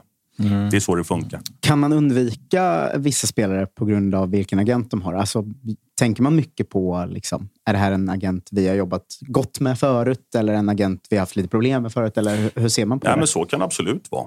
Eh, så kan det absolut vara. I grund och botten är det ju spelaren som vi, är, som vi är intresserade av. Och Det kan mycket väl vara så att den spelaren som vi är intresserade av, att vi får tipset via en agent. Men det kan också vara så att vi identifierar spelaren först och i nästa skede behöver ta reda på vem det är spelaren vill eh, representeras av. Eh, men i grund och botten är det ju spelaren som vi är intresserade av. Men absolut kan det vara så att, att om vissa en viss agentur tipsar om en viss spelare eh, så, så, så kan det vara både på, på plus och minuskontot. Förs det diskussioner klubbarna emellan att eh, kapa den här som jag upplever ändå var en, liksom en onödig mellanhand som, som tar mycket resurser från klubbarna? För det är inte bara Hammarby som har sålt för extremt mycket pengar som har höga agentkostnader utan det drabbar ju alla klubbar.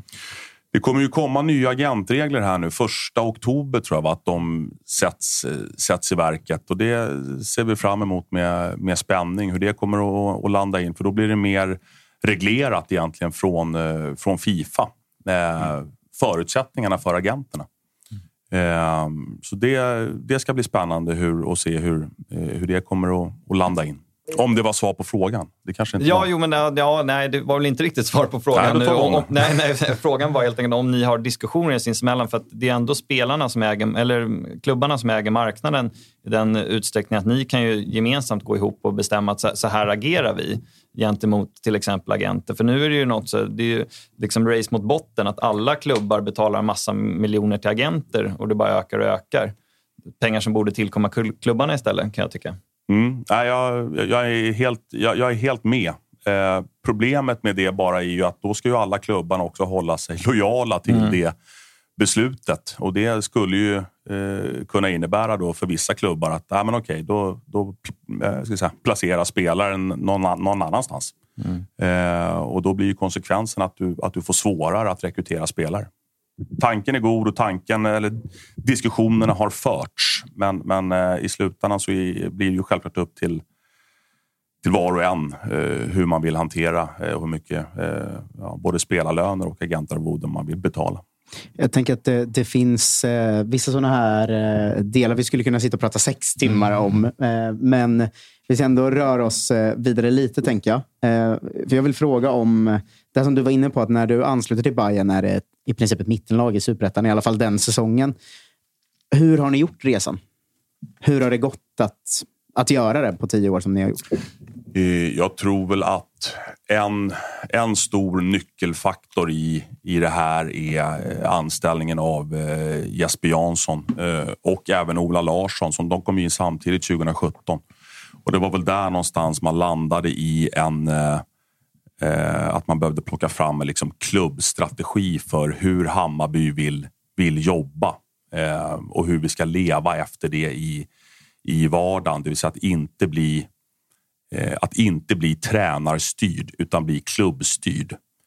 Eh, både vad det gäller eh, rekrytering av spelare, eh, personal, storleken på truppen och så vidare. Får, får den enskilde tränaren för mycket makt i det, i det arbetet så blir man lätt kortsiktig. Eh, och det ville vi inte bli, utan vi ville kunna bli långsiktigt framgångsrika. Och det tror jag, det arbetet som påbörjades då och som sen har liksom fortlöpt eh, under, de, under de åren har, har varit en, eh, en framgångsnyckel för oss det sista storklubbssteget så att säga är ju att börja ta mer SM-guld. Så, så är det ju. För Hammarby har ju faktiskt bara ett fortfarande.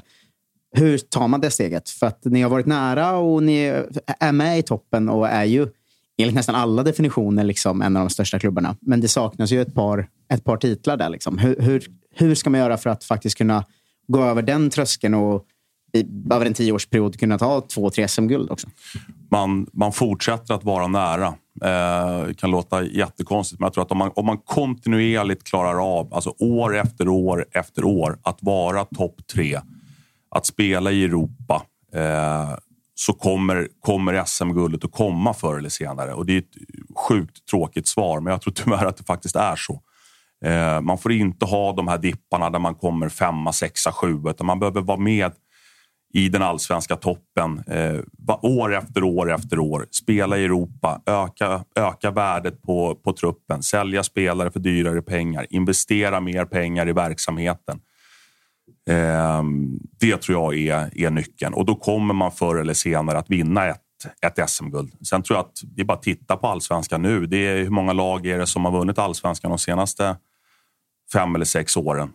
Eh, det, det, det, det, är inte så att Malmö vinner varje år eller att Djurgården gör det varje år eller AIK gör det eller Häcken gör det. Eller vad, utan det, det är en oerhört tuff och jämn, jämn liga. Eh, och, och viktigare än att vinna allsvenskan ett enskilt år för mig, det är att kontinuerligt vara med i topp tre.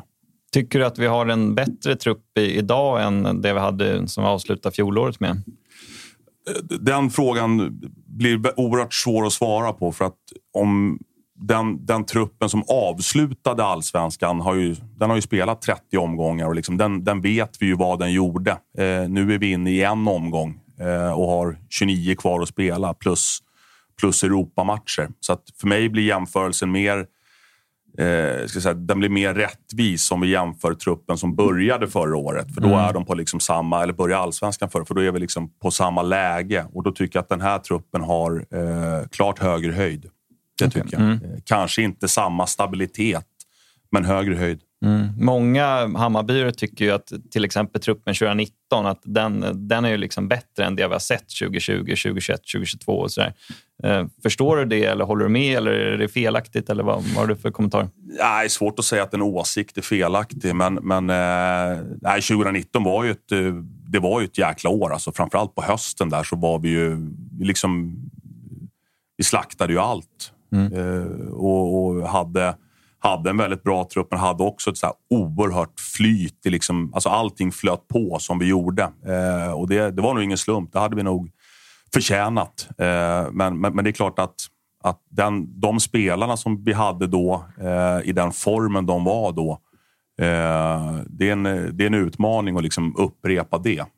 Däremot så kan man över en hel säsong, tror jag, fortfarande komma upp i, i Kanske inte riktigt i det antal mål vi gjorde då, för då mm. gjorde vi väl, det var väl historieboken mm. där. Va? Mm. Men att, att bygga ett framgångsrikt lag, det kommer innebära att vi, vi kommer att tappa spelare, vi kommer sälja spelare, vi kommer behöva rekrytera in nya spelare och det liksom gäller att hålla en kontinuitet i det där så att vi alltid är ett allsvenskt topplag. Mm. Där ligger utmaningen. Uh, upplagan 2019 var, var fantastisk. Skulle du säga att det skett en förändring i strategin inf inför det här året med föryngringen eller är det en, en, liksom en del av en längre strategi? Eller? Hur ser det, har, gör man en skillnad till den här säsongen när man föryngrar så kraftigt? Ja, absolut. Det, det, det, är en, det är en medveten satsning som vi har gjort. Att, att, eh, att sänka medelåldern, att investera mer, mer, eh, mer pengar i, i unga spelare. Och sen ska de inte bara vara unga, de ska vara bra också. Ska, och ska det vara så under flera års tid, det vill säga alltså, om man säger att Hammarbys snitttrupp alltid ska vara 23 år, eller är tanken att de här ska bli äldre och så blir det inte så att säga, en ny föryngring till nästa år? Eller ska det vara fortsatt ungt under flera år framöver? Tanken är att, att bibehålla den strategin som vi, vi har nu. Att ha en, eh, ha en, eh, en ung medelålder på, på laget och att investera eh, mer pengar i unga spelare. Vilket förhoppningsvis kommer att resultera i att vi också säljer eh, unga spelare för mer pengar och liksom kan, kan bygga, bygga verksamheten över tid på, på det sättet en spelare från det här eh, gänget då, som supporterna älskar så mycket, eh, som gjorde sig själv till en snackis lite i vintras var ju Muamer Tankovic. Eh, när han gick ut och eh, ja, men sa att han ville till Hammarby, men eh, Hammarby inte var så intresserade som han ville i somras. Och sen svarade Jesper Jansson då att eh, han krävde för mycket pengar. Eh, eh, vad har du att säga om den situationen? Hur nära var Tankovic i, i somras? Han var, han var inte särskilt nära överhuvudtaget. kort och koncist, ja. eh, kort och koncist eh, svar. Jag tänker på um, en annan grej som hände i somras. Då, eh, var ju Cypernryktena som började eh, bubbla upp. Eh, hur nära var du att eh, eller hur nära är det att vi idag hade intervjuat eh, Hjelmberg som jobbar för en cypriotisk klubb snarare än Hammarby? Det var väl, det var väl aldrig riktigt nära om man ska vara helt ärlig. Det var, det var smickrande. Jag fick en förfrågan. Eh, jag tänkte på det, det gjorde jag. Eh, funderade, eh, pratade med, med lite folk i, min, i min närhet. Eh, men kom väl fram till att nej, jag har det, jag har det bra där jag är. Får du ofta erbjudanden från andra klubbar? Nej, ofta ska jag inte säga. Det är väl klart att man kan få precis ungefär som det är med spelare. Alltså så här, man kan få förfrågningar. Skulle du vara intresserad av det här? Ja, det skulle jag kunna vara. Ja, Okej, okay. Eh, vill du veta mer? Ja, och sen så liksom, ja, nej. Det, det här var ingenting för mig. Eller så säger man nej med en gång. Men det, men det, det, det, det är ju väldigt mycket så lösa, eh, lösa förfrågningar. Sånt mm. kan komma, absolut. Men, men Cypernryktet var, var eh, eh, mer på liksom riktigt. Mm. Men, men eh, ja, nej, det, nu sitter vi här. Har det kommit lösa förfrågningar om sportchefsjobb eller liknande i andra svenska klubbar? Nej. Inget sånt än? Nej får vänta, vänta och se. Eh, en fråga som jag vet att bayern supportrarna också eh, vrålat om, bland annat Walter, som jag tänker mm. jag kan låta dig ta, är ju tröjnummer. Ja, Vad handlar det om? Nej, precis. Det, det, är, det är en diskussion bland Hammarby-supportrar att man är missnöjd med hur, hur tröjnumren ser ut i truppen. Och där vet jag att när Jesper Jansson kom in som sportchef så, så sa han att det där, ska vi, det där ska vi ordna, för han tyckte det såg skit ut redan 2017. Och varför har ingenting hänt och varför ser det ut som det gör? Är det att det är för höga nummer? Ja, det är för höga ja, nummer. Okay. Mm. Och vi har, exempelvis har vi tvåan och sexan och åttan är väl inte tagna. Eller, eller ja, tvåan vet fan, men sexan och åttan är exempelvis inte tagna nu. Uh, varför blir det så? Jag får helt enkelt ta med mig den frågan till Jesper Jansson. Eh, nej, skämt åsido. Jag har hängt med om att det mm. har varit en, liksom en, en snackis. Eh, och ska jag vara helt ärlig så, så vet jag faktiskt inte. Jag vet att spelarna själva har haft, eh, har haft önskemål om, om nummer. Eh, och sen att det då har landat i att, att det har blivit så pass många höga nummer Eh, enda liksom, logiska svaret jag har på det, det är nog att spelarna själva har valt det. Mm, de har då, det kan då, man ju dålig diskutera. smak helt enkelt. Men... Så kan det vara. Det kan man diskutera. Eh, och det är klart, nu har vi en väldigt stor trupp också, så mm. vissa nummer per automatik kommer ju behöva bli höga. Men det är klart, om du säger att det finns någon lucka där i mitten så, mm. och, och, och Ja, det är intressant. Hammarby pratar mycket om att vi, vi ska ha en sexa, det ska vara Sadiko. Sen så liksom, mm. Han hade det numret när han var i Turkiet, men så springer han ändå runt med var det 18 eller något på ryggen nu. Mm. Det, det, jag, jag, jag, tänker bara att det vore en sån enkel fråga för, för klubben att bestämma att vi har nummer 1 till 30. Varsågod välj det som är ledigt till mm. spelarna. Nu vet jag att vi har fler än 30 spelare i truppen, så det får bli 1 till 35 ja. kanske. eh, men oavsett det, nej, men jag, jag hör bara du säger. Eh, när låret kom så eh, hade Darjan sexan, tror jag. Mm. Eh, och sen så fick han 18 och är det så att sexan är ledig nu? Ja, visst. Ja. Åttan också, som är givet nummer till Besara. Åttan kanske också är ledig. Mm. Och då är det, jag vet inte om spelarna är, är vidskepliga eller hur de resonerar, men uppenbarligen så hade de velat byta till åttan respektive sexan så hade de säkert fått det. Mm. Är det så att Problemet inte... är, tycker jag att det är inte spelarna som ska få bestämma nej, den nej, men saken. Det, är, absolut, det... jag, jag hör bara du säger och där, där kan det säkert vara så att man som, att man som klubb kan, kan sätta ner foten och, och göra som du säger. Här, det är mellan 1 och 35 som, som gäller. Det har inte varit en fråga som jag så här, personligen har brunnit för, utan jag har mer så här, hängt med om att det är en snackis. Men jag, mm. jag har full respekt för att man tycker att det är, är lite för höga, höga nummer på, på vissa. Men vi, vi får helt enkelt... Eh, jag tror inte att har, den frågan har stått högst upp på Janssons agenda heller om man ska väl. Men vi kanske mm. behöver eh, plocka upp den. Ja, ta med den till, till nästa år då. Absolut. Den är ju väldigt eh, supporteraktuell. Man sitter ja, ju alltid och är rasande när en spelare har nummer 99 i ens eget lag. Och ja, sånt. Jag blir galen. Ja. Jag är mer, ja, precis. Personligen så tycker jag nästan att det är viktigare om man gör en bra prestation och vad man har för tröjnummer. Självklart, men, men han, kan, han kan ju ha ett snyggt nummer och en bra prestation. Så är det, absolut. Eh, absolut. En spelare som kom inför året som, som många Hammarbyare blivit lite förvånade över, det är ju värvningen, eller lånet då av Isak Vural. Eh, mm. Kan du säga någonting om eh, tanken kring honom? Med tanken att han ska bli HTFF eller A-laget? Eller vad, och varför lånar man en 16-åring? Eh, helt enkelt en, en möjlighet som dök upp eh, för oss. Eh, där vi ansåg att eh, Isak har ju varit i Hammarby tidigare. Mm. Jag tror till och med att han är fostrad i Hammarby. Mm. Spelare. Han var, sen lämnade han ju väldigt eh, tidigt. Men det var en möjlighet som dök upp. Eh, Isak har, har inte spelat så mycket seniorfotboll i, i Fenerbahce, vilket absolut inte är så konstigt om man är 16 år och konkurrerar med, med världsstjärnor. Eh, Isak hade en önskan att komma till, till Hammarby och Eh, vi kände att det kunde vara ett bra sätt för oss att eh, bilda oss en, en, en, bättre uppfattning om Isak än vad vi hade när han var i Turkiet. För där kunde man inte se så himla mycket av honom överhuvudtaget. Eh, ihop med hans, hans önskan att, att komma hit. Eh, nu, nu, är det fortfarande så att den här eh, processen med eh, papper som ska skrivas mm. på i och med att han klassas som minor, alltså mindre, eller un, mm. vad säger man, minderårig, underårig Eh, så ligger det just nu hos, eh, hos Fifa faktiskt. Mm. Det är en rätt komplicerad administration när eh, minderåriga spelare ska byta, byta klubbar och länder i Europa. Och han, han är en spelare som kan vara på listan då, men är det rimligt att tro att han kommer spela i A-laget? Han är en spelare som har kontrakt med Hammarby Fotboll AB. han är svensk och han är under 21 år, så att ja, han har möjlighet att stå på, på listan och jag skulle tro eh, att när han väl eh, ja, när väl genomgången mm. eller övergången går igenom, som vi hoppas att den gör, det är ju som sagt inte klart än. Eh, att han då är, är tillgänglig för match så skulle jag tro att, att den, eh, den, den första tiden kommer nog mer tillbringas i HTFF vad det gäller matchning än A-laget. Är det här ett Eh, den här typen av spelare, är det kanske ett sätt att säkerställa att han vänder hem till Hammarby när han väl ska hem till svensk fotboll sen? Det är ju klart att det är en, är en del i det. Att det är en ung spelare som har lämnat oss tidigt vill komma tillbaka till, till Hammarby och, och är, är en, eh, en extremt talangfull fotbollsspelare. Eh, så är det ju inte enbart den påverkan han kommer ha på på A-laget under året som är den enda anledningen. Det är det absolut inte. Utan det är klart att det är en relationsbyggande del i det här också.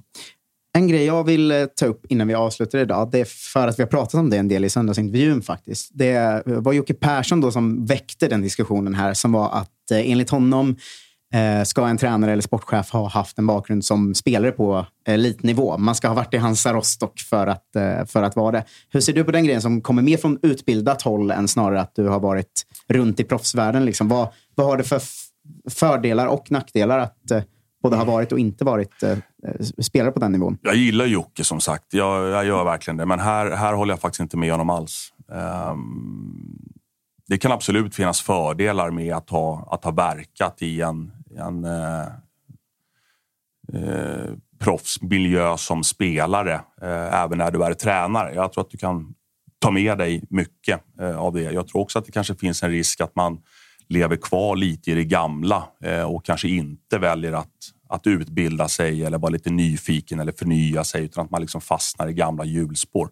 Så att absolut ingen, ingen förutsättning. Jag menar, Marti Cifuentes tycker jag är en oerhört kompetent fotbollstränare. Både taktiskt, eh, men även ledarskapsmässigt.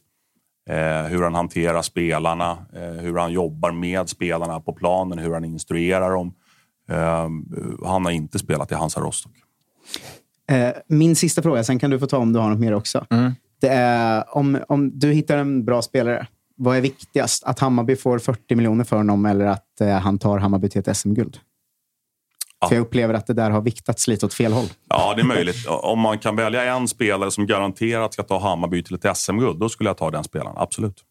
Mm. Ja, en följdfråga på det. Du, du var inne på det tidigare, att vi har en föryngringsstrategi för att vi ska kunna sälja spelare. Och det, jag gillar ju det, men det är samtidigt lite oroande att vi, liksom, vi, vi har en strategi för att kunna sälja spelare till andra klubbar. Och då, då får vi massa pengar på banken, men de pengarna måste vi ju, eh, använda till att liksom vara bra här och nu.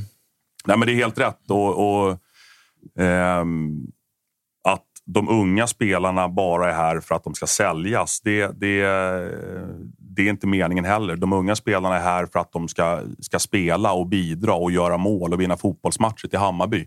Eh, och gör de det tillräckligt bra, då kommer de förmodligen förr eller senare att bli sålda. Eh, det, är, jag ska säga, det, är en, det är en del i, i konceptet. Men att bara värva ungt eh, ser vi liksom inte poängen med. Utan det ska vara ungt och bra. De ska dessutom bidra på planen. Det, det är viktigt att, och tillägga. Det. Vinna fotbollsmatcher är någonstans, det, det, är liksom, det, det, det är första prion. Det andra kommer komma på köpet. Har det skett någon strategi nu till sommarfönstret som kommer? Om eh, Majed, Rabi, Djukanovic, om de blommar nu på våren och sprutar in mål. Har klubben någon tanke på att nej, vi säljer inte i sommar för att vi ska liksom vara med och kriga om det? Eller hur, hur ser man på det? Nej, men, och det är också en bra fråga eh, om de här Djukanovic eller Majed eller Erabi, om de skulle göra en, en, eh, en fantastisk vår. Eh, bräka in mål och, och, spela, spela bra fotboll. Så det är klart att då, då vi behöver inte ha, vi har ingen ambition att sälja dem. Eh, däremot skulle vi kunna, kunna komma hamna, eller hamna i ett läge där den eventuellt eh, köpande klubben lägger upp sådana pengar som gör att vi helt enkelt får liksom värdera. Mm. Är de här pengarna mer värdefulla för oss nu eller är det bättre att behålla spelaren i Hammarby under, under hösten? Eh, och det förstår ju alla att det liksom fin du kommer till en smärtgräns förr eller senare. Eh, och vad har vi för alternativ? Kan vi ersätta den spelaren kan vi sälja den spelaren men ersätta med en annan spelare som vi bedömer är ja, relativt startklar eller kan kliva in och liksom prestera med en gång? Eller har vi ett stort tomrum då som vi behöver ersätta med en ny spelare utifrån? Och vem skulle det kunna vara? Och hur lång startsträcka behöver han i så fall? Alltså, och så vidare. Mm. Det är liksom den, den typen den av smärt, resonemang. Den smärtgränsen som talar om liksom hur mycket pengar man får, är det någonting som man på förhand inför säsongen har resonerat kring? Eh, till exempel kring, kring en sån som Majed. Liksom att, eh, att man säger att får vi 40 miljoner, ja, men då säljer vi inte, men får vi 70 så gör vi det. Eller? Du förstår vad jag menar? Ja, absolut. Mm. Eh, nej, vi har inte pratat eh, i de termerna gällande faktiska siffror. Och det är ju precis det är ju samma sak som när, när klubbarna frågar oss nu, så här, vad kostar Ajay? Mm så är det ju liksom, ja, men det är inte som att gå in på liksom Ica och köpa en mjölk. Det är inte så att vi har satt en prislapp på honom här och nu. Fönstret är stängt, det öppnar igen i sommar. Och beroende på hans prestationer, eh, vad är det, hur många omgångar spelar vi innan fönstret öppnar? Vad är det, 10 eller 12? Mm. Det, det, är klart, det som händer under de 10 eller 12 omgångarna eh, kommer ju såklart att påverka prislappen på spelaren och det är ju samma för alla spelare. Eh, men vi har ingen ambition i sommar att, eh, att sälja en massa spelare. Det har vi inte. Sen kanske det kommer bli så att, att någon spelare säljs ändå. Men, men det, är inte, det är inte syftet utan, eller målet, utan målsättningen nu det är, att, det är att, att sportsligt och göra ett bra resultatmässigt år för, för Hammarby. Den här eh, typen av vad kostar Ajay-fråga. Hur många spelare i Hammarbys trupp idag finns den typen av frågor eller intressen runt redan nu inför sommaren? Eller? Ja, den finns ju på eh, i alla fall en eh, sju, åtta spelare. Mm, intressant. Det kan jag kan lista ut några av dem själv. Mm, det kan du göra. I alla fall. Eh, vi har suttit ett bra tag. Har du mm. något sista vi måste få med? Eller ska vi, eh, Nej, vi släpper nog Micke nu så han får komma hem till familjen. Ja, exakt. Det är matcher att titta och jobb att mm. göra. Va? Jajamän. Eh, stort tack för att du var med, Micke. Och tack, tack. Eh, lycka till Stort tack. Fast man saknar allt av värde varje månad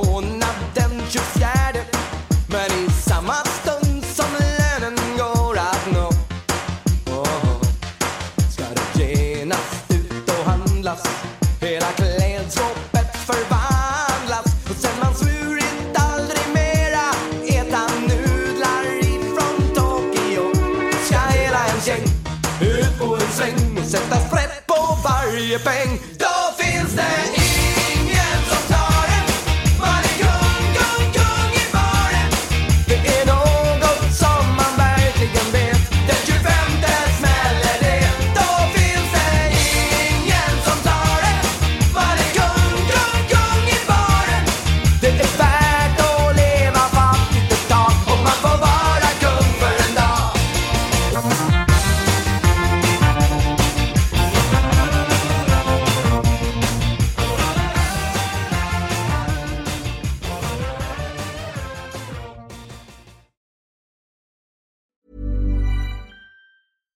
Mom deserves the best, and there's no better place to shop for Mother's Day than Whole Foods Market. They're your destination for unbeatable savings, from premium gifts to show-stopping flowers and irresistible desserts. Start by saving 33% with Prime on all body care and candles. Then get a 15-stem bunch of tulips for just $9.99 each with Prime. Round out Mom's menu with festive rosé, irresistible berry chantilly cake, and more special treats. Come celebrate Mother's Day at Whole Foods Market.